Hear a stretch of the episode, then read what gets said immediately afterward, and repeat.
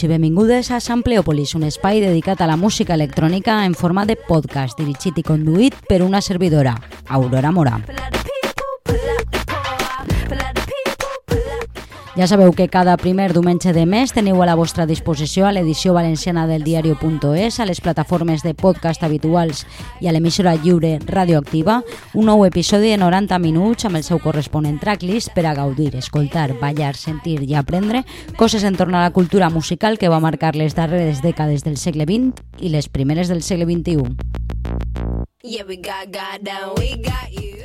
Aquest 2022 es compleixen 30 anys de l'àlbum de debut de Moby de títol homònim i a Sampleòpolis volem aprofitar l'efemèride per a fer un recorregut per la trajectòria d'aquest artista fonamental de la música electrònica de finals del segle XX i principis del segle XXI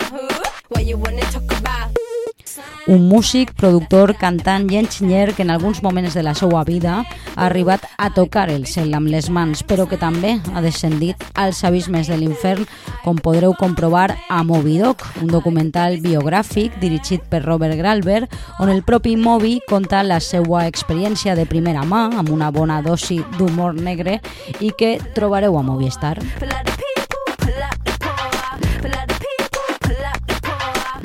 Així que en els pròxims 90 minuts intentarem fer un repàs complet als 30 anys de la carrera musical de Richard Melville Hall, nascut a Connecticut l'11 de setembre de 1965, conegut mundialment amb el nom artístic de Moby, un sobrenom que va agafar prestat de la novel·la que va escriure el seu oncle rebesavi, Herman Melville, autor de Moby Dick.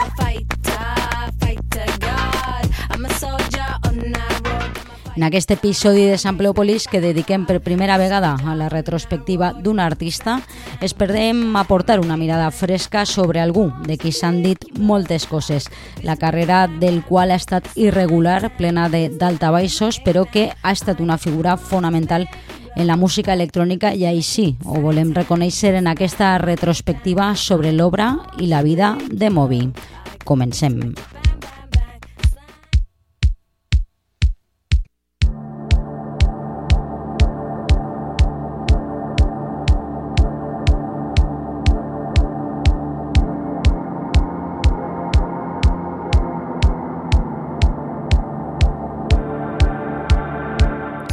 Conta Dan Saiko al seu llibre Tecno Rebels, Los renegados del funk electrónico, publicat en castellà per l'editorial Alfa Decay en 2019, que per a 1992 havia sorgit una gran escena tecno a Brooklyn, Nova York, amb Frankie Bones, Adam X, Joey Beltram i Mundo Music com a principals referents i que mentre això passava, a l'altra banda del riu Manhattan emergia una de les primeres i majors figures del tecno parapetada darrere de diversos pseudònims com ara Voodoo Child, Brainstorm, Barracuda, UHF i Moby.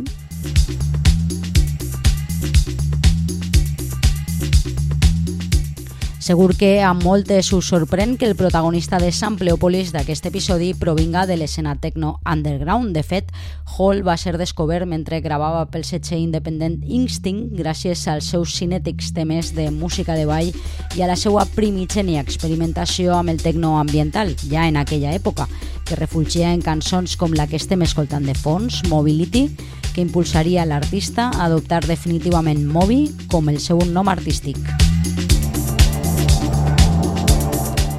Mobility va ser la cara A del seu primer single, editat per Instinct en novembre de 1990 i posteriorment s'inclouria els recopilatoris Instinct Dance de 1991 i Early Underground de 1993.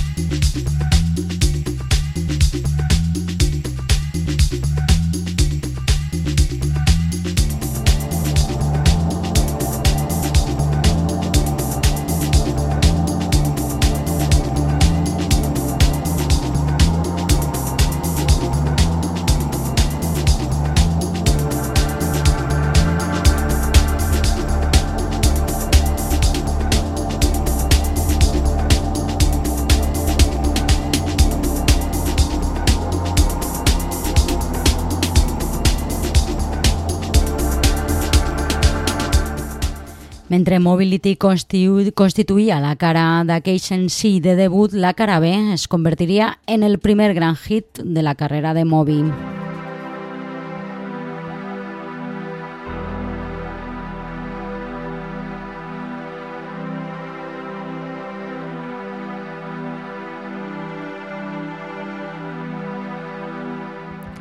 El seu Go estava construït sobre la secció de corda del tema de la banda sonora de Twin Peaks, Laura Stem, composada per Angelo Badalamenti, i sobre el sampler d'una enèrgica exhortació de la cançó homònima de Tones on Tail.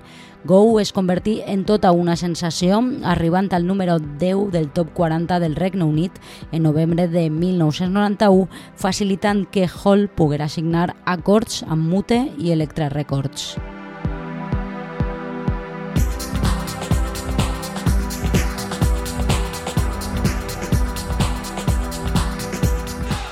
Curiosament, en la seva autobiografia, Porcelain Moby eh, descriu la seva primera aparició aquell any al programa Top of the Pops de la BBC, imaginant-se en arribar a casa que una multitud de fans el perseguiria, però òbviament no va ser així i es va desanimar.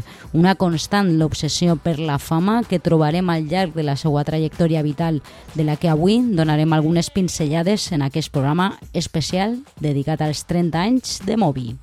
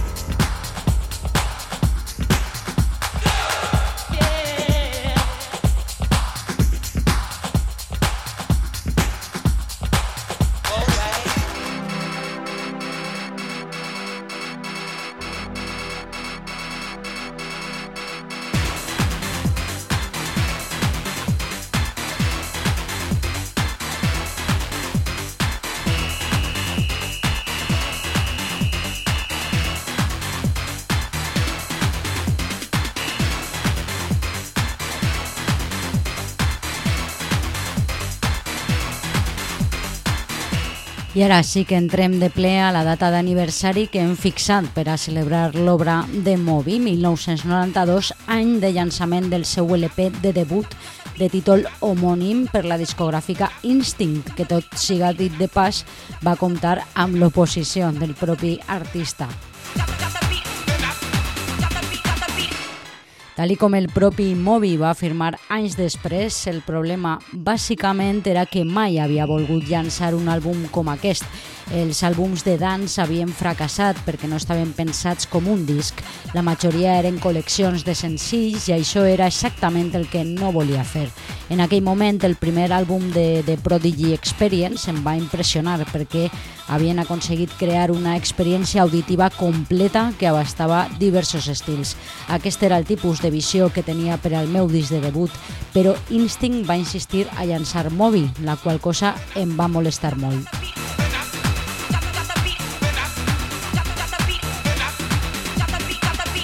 Drop a Beat era el tema que obria aquest disc del qual Moby va renegar i que a Sampleopolis ens ha oferit l'excusa perfecta per repassar 30 anys de trajectòria musical.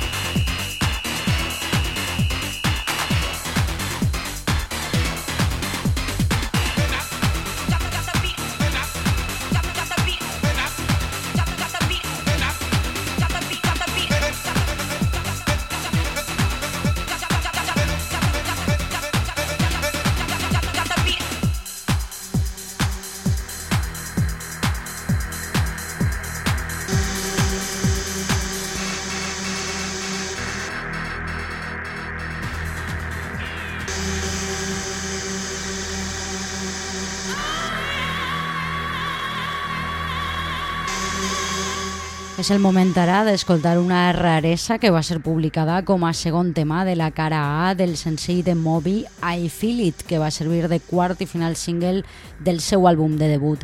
Es tracta de Thousand, un tema que com a curiositat va ser inclòs al llibre Guinness dels Records per tindre el tempo en bits per minut més ràpid mai gravat en la història, superant els 1.000 BPMs, una barbaritat que situa Thousand com un com un himne del so speedcore, la variant més agressiva del hardcore. Un divertimento que en aquest episodi de Sampleopolis ens serveix de mostra d'una de les facetes més experimentals de Moby.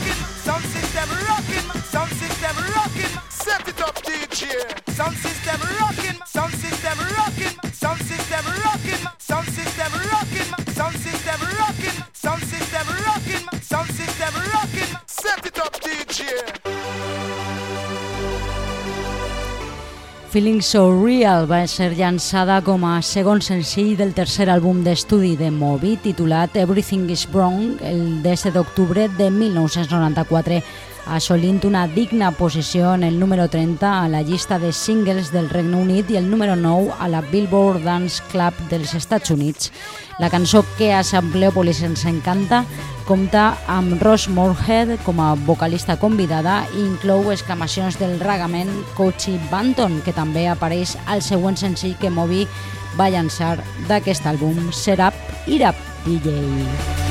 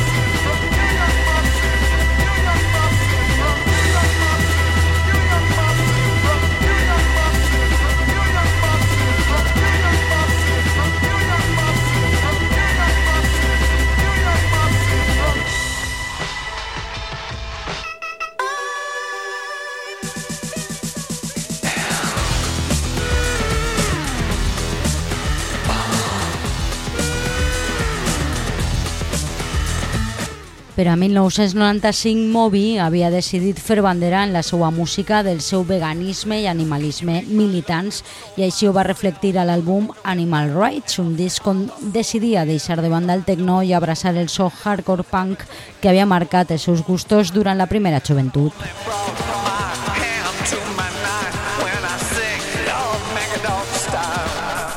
Tanmateix, Animal Rights va esdevindre un fracàs profund i l'interès dels mitjans per l'estrella efímera en què s'havia convertit Moby arriba al seu punt més baix. De fet, a Porcelain, la seva autobiografia explica com, incapaç de repetir l'èxit del seu primer hit Go, el va envair una sensació de fracàs que encara s'aguditza més amb una xira que va fer com a teloner de Soundgarden front a un públic que es va mostrar indiferent i fins i tot hostil. És eixe un moment de crisi absoluta en el qual arriba a plantejar-se molt seriosament dedicar-se a una altra cosa, ser arquitecte, però va continuar i temps després gravaria Play. És pront encara, però, per arribar al disc que li canviaria la vida per a sempre. De moment escoltem Come On Baby, inclosa a Animal Rights.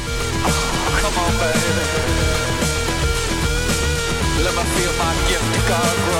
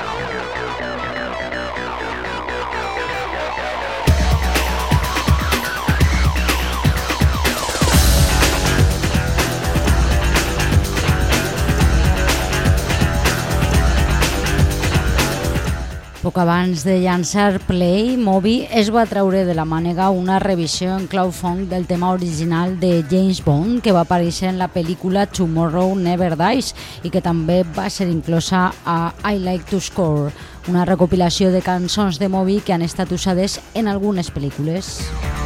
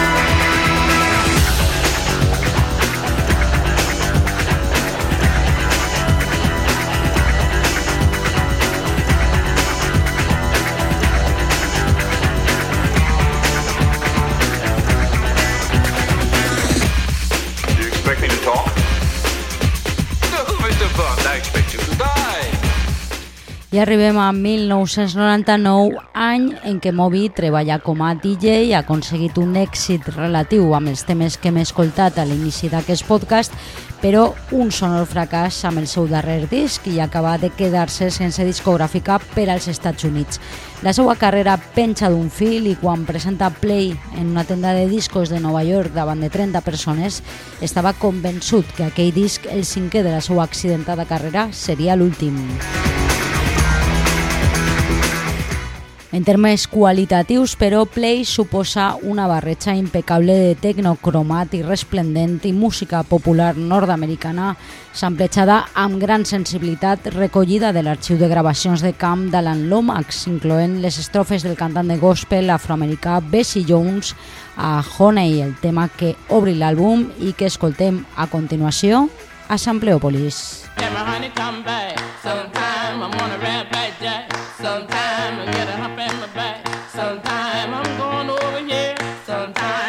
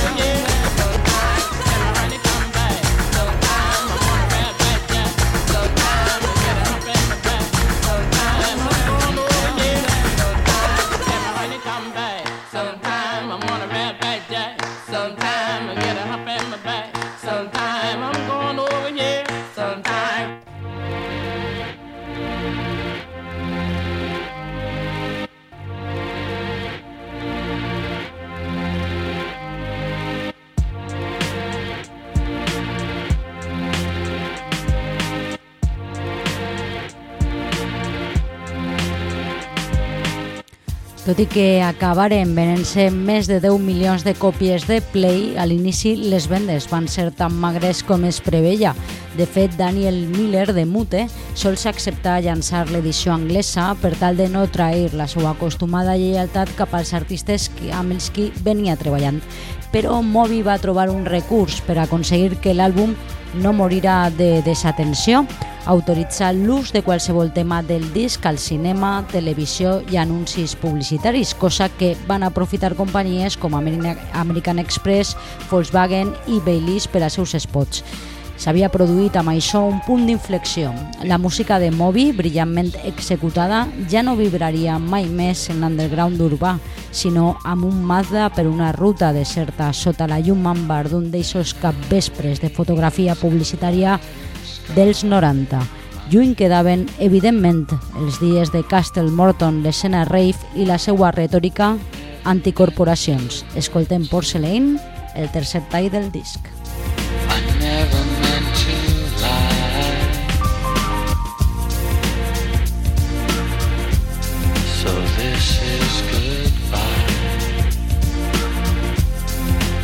This is goodbye.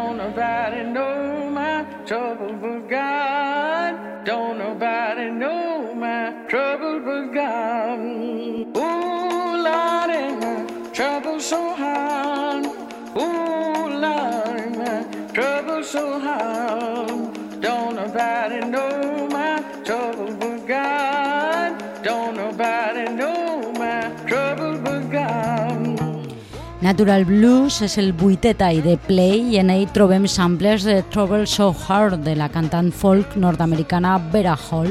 Curiosament, a l'enregistrament inicial d'aquest tema, descrit per Moby com una cançó bastant etèria i lamentable, es va construir al voltant de bucles de la veu del propi Moby, qui va tenir eh, serioses dificultats per a mesclar la cançó, fins al punt de considerar no incloure-la al disc. Finalment, però, amb l'ajuda del duo britànic Gian Lip, va aconseguir una barreja satisfactòria i per alegria de totes no sols eh, no va ser, va ser inclosa a Play, sinó que a més arribaria a la categoria de single.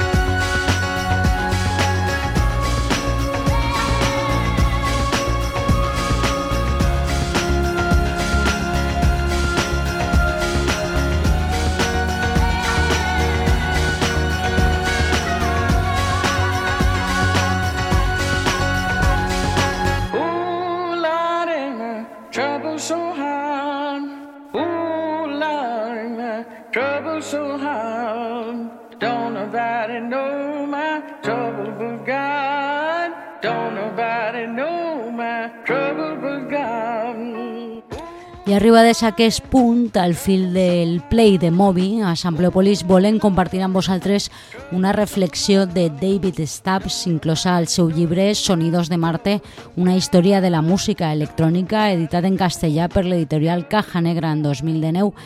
Sobre aquella època, eh, deia el periodista i crític musical la música bailable de repente estaba dominada por chicos blancos nerds, muchos de ellos de clase media, jugando a ser DJ autores y saliéndose con la suya sin que nadie pusiera el grito en el cielo. Habíamos eh, dejado atrás por el momento la política de facciones de los 80, preinterseccional, de los Chemical Brothers a Fatboy Slim, pasando por los brillantes Basement Jacks.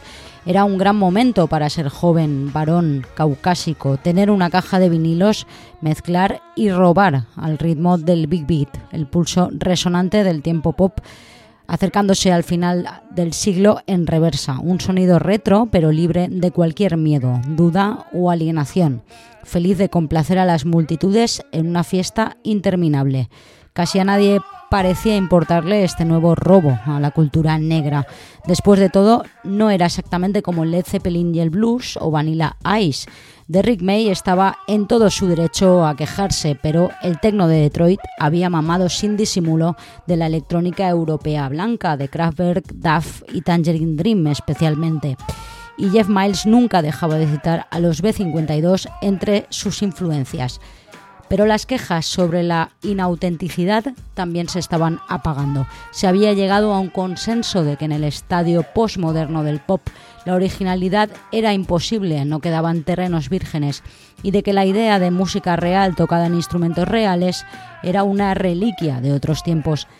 Dentro de ese consenso, el mundo pop en el que vivíamos ahora tomaba la forma de un enorme reservorio de cosas pertenecientes a un pasado clásico muerto que podían ser perpetuamente reanimadas y remezcladas. El enfoque y la tecnología que estaban en su base llevaban tiempo entre nosotros y ya conocíamos sus resultados. No más escrúpulos, pues era hora de bailar, sin pretensiones, todos juntos en la superficie, todos felices.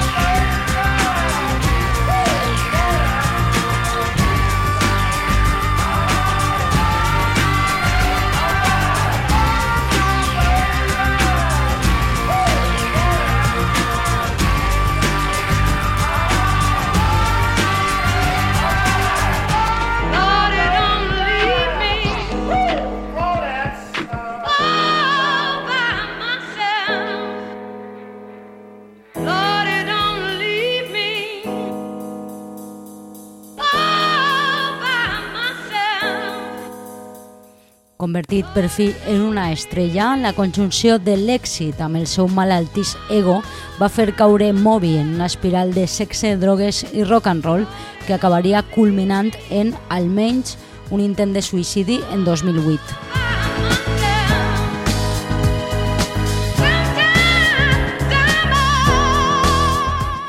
Porcelain, la seva autobiografia, Moby admet que la tensió que li va generar la fama es convertí en una mena d'addicció, l'única cosa que li feia sentir valuós i legitimat. Així que quan els seus discos es deixaren de vendre, el miratge va desaparèixer. Estava enfadat a mi mateix perquè no podia escriure un hit, angoixat perquè la meua carrera s'estava desplomant i avergonyit per haver-me convertit en un mal acudit entre els hipsters, es lamentava el protagonista d'aquest podcast.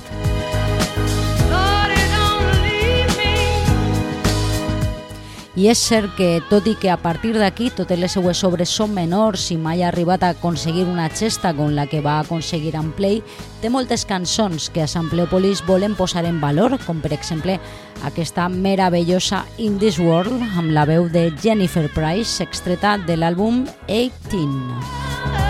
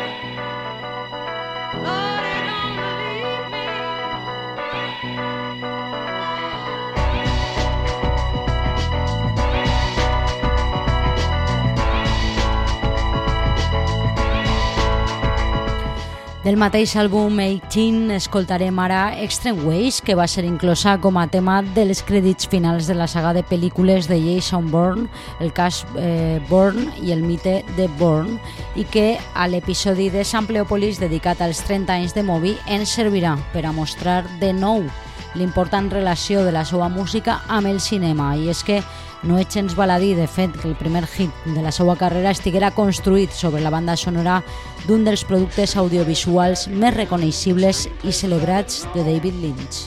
I broke everything new again, everything that. I threw it out the windows, came along. Waves I know will part the colors of my sea. Perfect color me.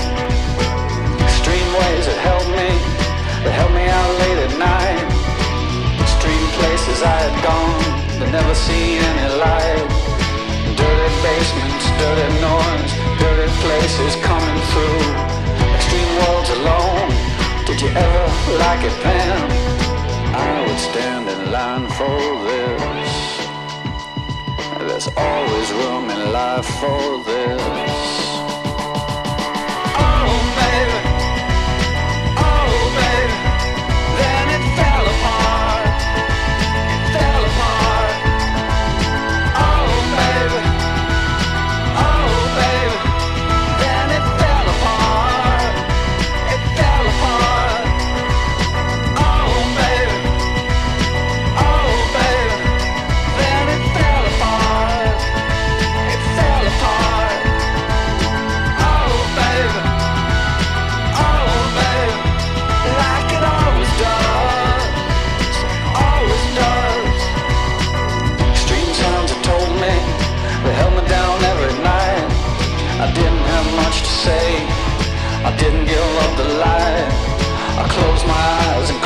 Myself and close my world and never open up to anything that could get me at all.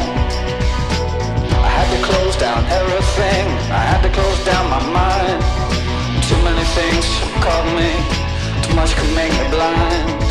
I've seen so much in so many places, so many heartaches, so many faces, so many dirty things. You couldn't even believe I would stand in line for this.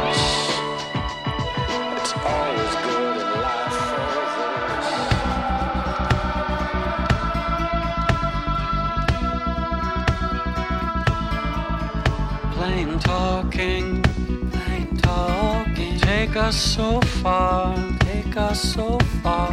Broken down car, broken down car. Like strung out old stars, strung out old stars. Plain talking, plain. En 2005, el protagonista d'aquest Sampleopolis va gravar l'àlbum titulat Hotel, el títol i la portada del qual potser avui interpretem d'una altra manera després de visionar el documental Moby on el propi Moby explica que durant una estada a Barcelona, al cim de la seva carrera, va desitjar llançar-se al buit des de la finestra de la seva habitació d'hotel, encara que això no era possible per la pròpia construcció. I a la vista de la imatge que il·lustra la portada és molt possible que reflectisca això. En aquest treball, que va ser despedaçat per la crítica musical, s'incloïa aquesta meravellosa Lift Me Up. us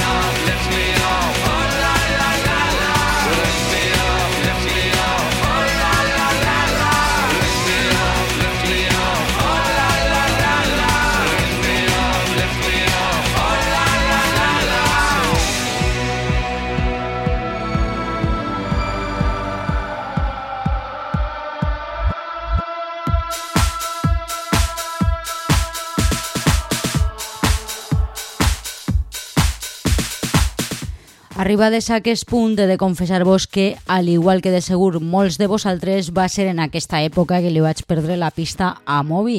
Ocasionalment escoltava coses seues, però ja no m'interessava tant com abans i ha sigut molt posteriorment quan he reprès la seva escolta atenta, trobant coses veritablement interessants com aquesta Everyday It's 1989 inclosa al seu àlbum del 2008, Last Night, en la que no només no deixa de sonar a Moby, sinó diria que reivindica com mai el seu so més, més característic, més proper als seus inicis i que a Sampleopolis ens agrada molt. Un homenatge a la nit de Nova York aconseguit amb nota.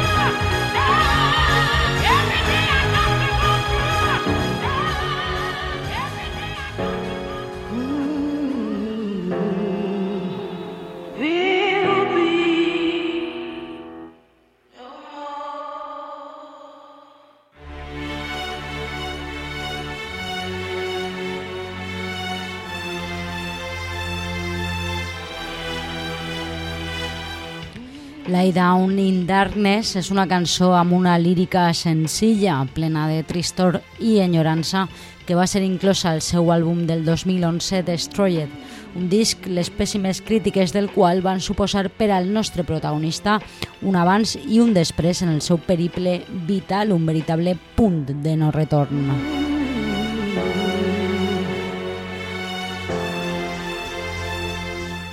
És precisament en eixa època quan Moby fa un canvi de xip i comença a considerar que l'èxit és merament circumstancial i en molts casos fins i tot accidental i que els éssers humans aprenem més del fracàs que de l'èxit, una lliçó que acabaria incorporant als seus treballs posteriors i a la seva vida.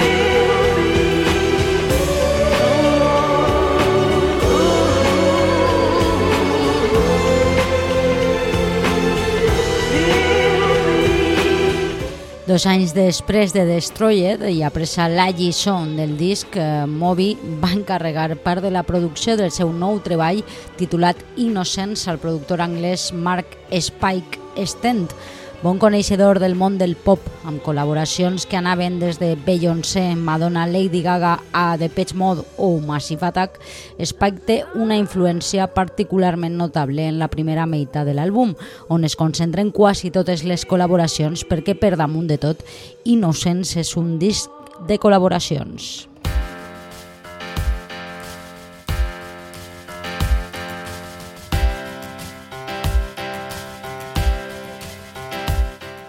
En aquest cas l'escoltem amb The Perfect Life, un tema que quan Moby va composar va donar-se que era ideal per a The Flaming Lips fins al punt que es va posar en contacte amb Wayne Coyne, a qui havia conegut elonejant els Red Hot Chili Peppers en la seva gira europea i li va proposar treballar junt amb aquest magnífic resultat que com a curiositat, és la cançó dels crèdits finals del documental Moby Doc que podeu veure a Movistar.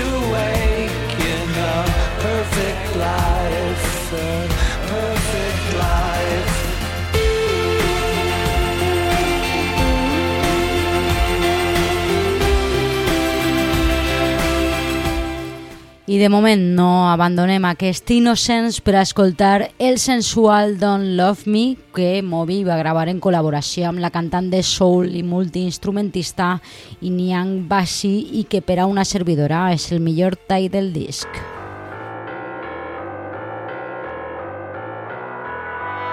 I know you don't love me, but you don't have to be so mean. I know you don't love me, but you don't have to be so mean. The worst thing you ever seen. Treat me like the worst thing you ever seen. I know you don't love me, but you don't have to be so cruel. I know you don't love me, but you don't have to be so cruel. Treat me like a low down stupid fool. Treat me like a low stupid fool.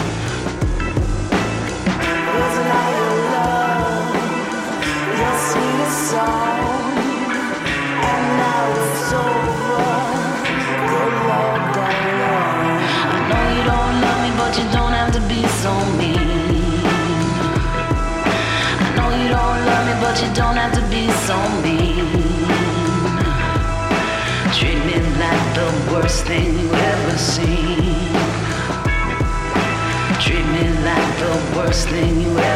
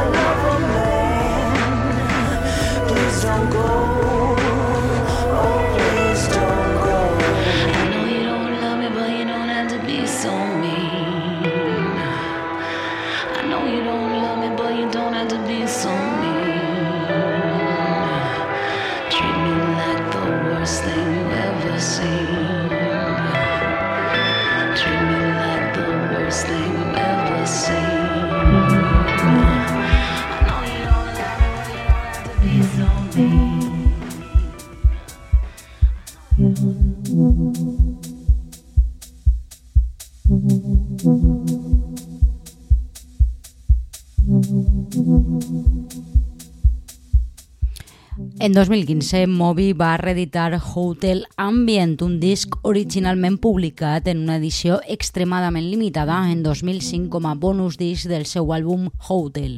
La reedició totalment remasteritzada comptava amb un tracklist expandint eh, expandit i incloent alguns temes inèdits. El resultat, en paraules de la nota de premsa de la promoció, era una mescla dels arrels del seu so, una fusió de Philip Glass, Steve Rage i Brian Eno amb el techno de Detroit i la IDM de les primeres referències de Warp.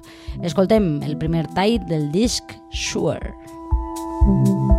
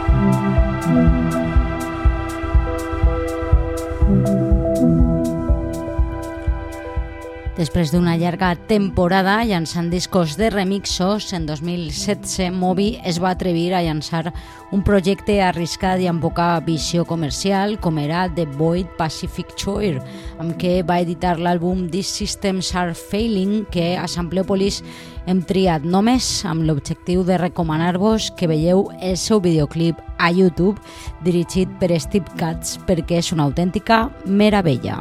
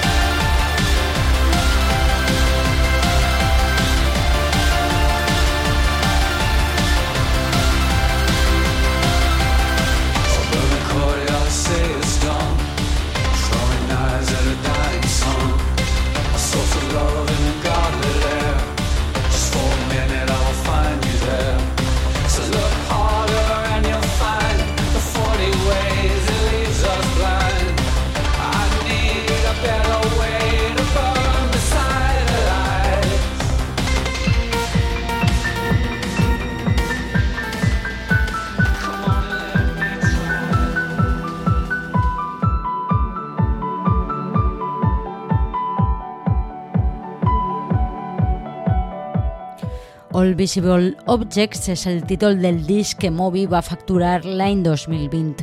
De nou, un producte irregular per a crítica i públic en la que, com en la resta de treballs postplay, trobem algunes peces dignes de destacar com aquesta joia titulada My Only Love, el segon tall de l'àlbum. Do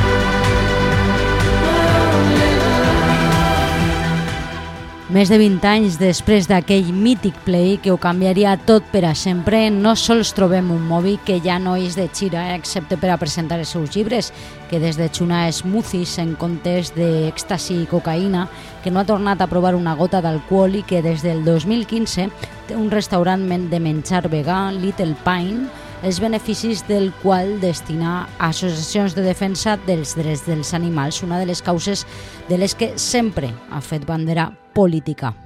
Per més estrany que puga sonar, prefereix que estar segut al meu pati menjant pizza vegana i tocant versions de Neil Young amb amics que estar de xira en un escenari davant 100.000 persones, va afirmar en una entrevista el nostre insigne Moby intercalant-ho amb els projectes en què repassa la seva vida, com la seva autobiografia Porcelain o el documental Moby Dog que hem citat al llarg d'aquest programa de Sampleopolis i que vos recomanem el seu visionat, Moby no ha deixat de produir durant els últims anys discos eh, de música ambient fins al punt de llançar-los quasi per parelles des de l'estudi de sa casa de Los Angeles.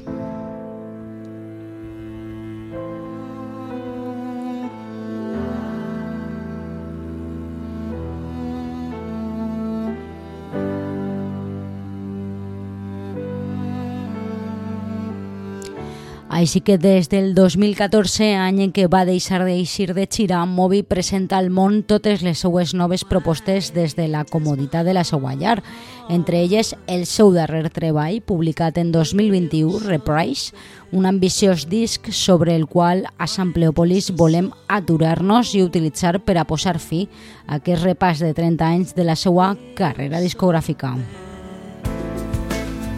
Why does my heart?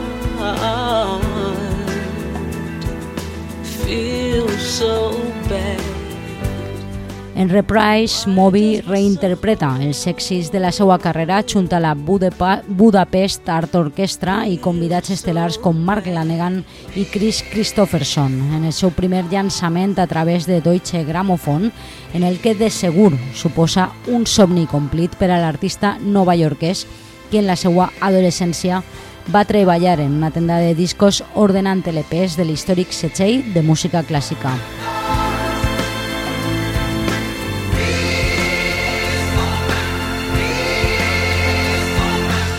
Escoltem el seu tema Why Does My Heart Feel So Bad, inicialment inclòs a Play Clar, interpretat conjuntament amb un nodrit grup de col·laboradors, entre els quals destaquen Alex Acuña, Mindy Jones o la banda de The Samples, entre molts altres.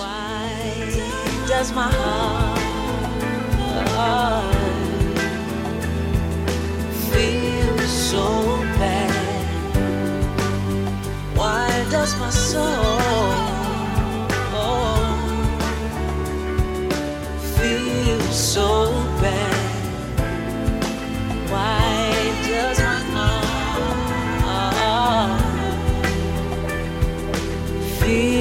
So bad? Why does my soul